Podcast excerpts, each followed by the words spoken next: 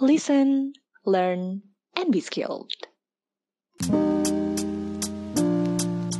Selamat datang di Skilly Podcast. Selamat bergabung untuk teman-teman semua. Jadi, Skilly ini adalah sebuah wadah buat teman-teman untuk mencari inspirasi, meningkatkan keterampilan, dan belajar dengan cara yang lebih mudah bersama narasumber yang tentunya sangat inspiratif dan memiliki hal-hal menarik. Selamat mendengarkan di mana pun dan kapan pun. So listen, learn, and be skilled. Halo Sobat Skilly, perkenalkan nama aku Egin yang akan menjadi host di series podcast kali ini. Dan sesi ini kita akan membahas mengenai healthy eating. Nah, sekarang tuh banyak banget ya orang-orang yang lagi berusaha mengatur pola makan mereka. Hal ini bagus banget ya tujuannya. Bukan cuma supaya mendapatkan berat badan yang ideal, tapi juga mendapatkan tubuh yang sehat. Jadi orang-orang udah mulai nih nakar-nakar porsi makanannya harus gimana, pilihan makanan yang baiknya apa aja, dan masih banyak lagi. Untuk itu hari ini aku kedatangan tamu yang spesial banget, seorang health and strength coach Mbak Tiara Sumakno. Langsung aja kita sapa ya. Halo Mbak Tia. Halo, apa kabar? Baik, Mbak Tia gimana? Baik-baik, senang banget nih bisa jadi part of Skilly Podcast, uh, share-share informasi, semoga berguna buat yang lain. Amin. Mbak Tia, kesibukan Mbak Tia saat ini selain coaching apa aja sih? Um, so aku uh, I have three kids, anakku ada tiga, jadi itu adalah basically um, job aku yang nomor satu sebagai ibu. Terus uh, ya aku coaching uh, my clients itu di uh, seluruh dunia, jadi nggak cuma di Jakarta aja, jadi semua bisa lewat online. Jadi sebenarnya this new normal yang orang-orang pada kerja dari rumah, aku emang udah biasa kerja dari rumah gitu. Uh, aku juga ngajar uh, apa uh, cycling kelas dan itu juga sekarang lewat online juga gitu. Jadi hmm. it's uh, it's good sih. Jadi aku masih bisa bisnisnya masih bisa jalan walaupun lagi pandemi kayak gini. Wah oh, keren banget. Justru malah jadi semakin banyak orang yang datang lah ya?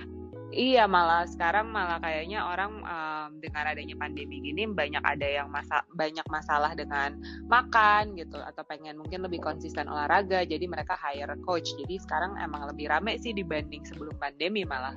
Hmm gitu ya sih. Hmm. Kalau aku malah makin bulat mbak. nah, nanti ya fenomena diet kan udah nggak asing lagi ya buat teman-teman semua. Dari berbagai hmm. macam diet itu punya larangan makanan yang macem-macem ya. Mungkin hmm. karena mengandung karbo, fat, sugar, and etc. pokoknya. Hmm. Secara nggak langsung kita mengklasifikasikan makanan yang baik dan tidak untuk kita makan. Ada yes. makanan sehat dan tidak sehat. Nah, menurut Mbak Tia sendiri, pernyataan ini benar nggak sih? Um, so aku dulu juga gitu ya. For the longest time aku juga ngerasa uh, selalu mengkategorikan makanan ada yang baik dan yang buruk, yang sehat dan tidak sehat gitu ya.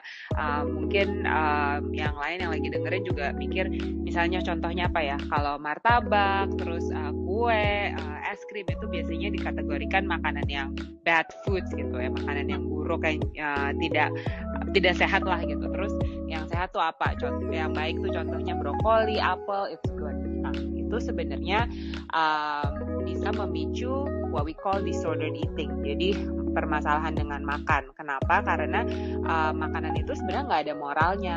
Memang mereka uh, makanan itu ada yang nutrisinya lebih tinggi, ada yang nutrisinya lebih rendah, ada yang fatnya lebih tinggi, karbonya lebih tinggi. Tapi sebenarnya semua makanan itu is just food. Ya, food is just food. Jadi kita semakin kita melihat makanan itu sebagai neutral, uh, netral aja, jadi kita nggak akan uh, terlalu apa ya, terlalu ngerasa bersalah misalnya ada beberapa hari mungkin di saat kita lebih banyak makan gula atau makan karbo itu bukan berarti we are a bad person.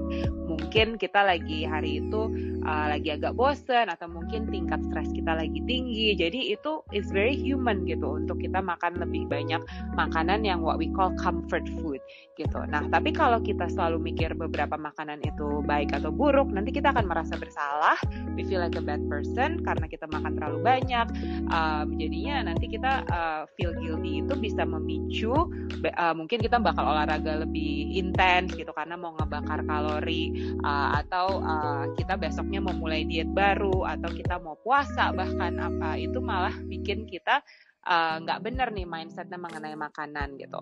So just look at food as food. Semua makanan itu sama, semua makanan itu boleh. Give yourself permission to eat all the food.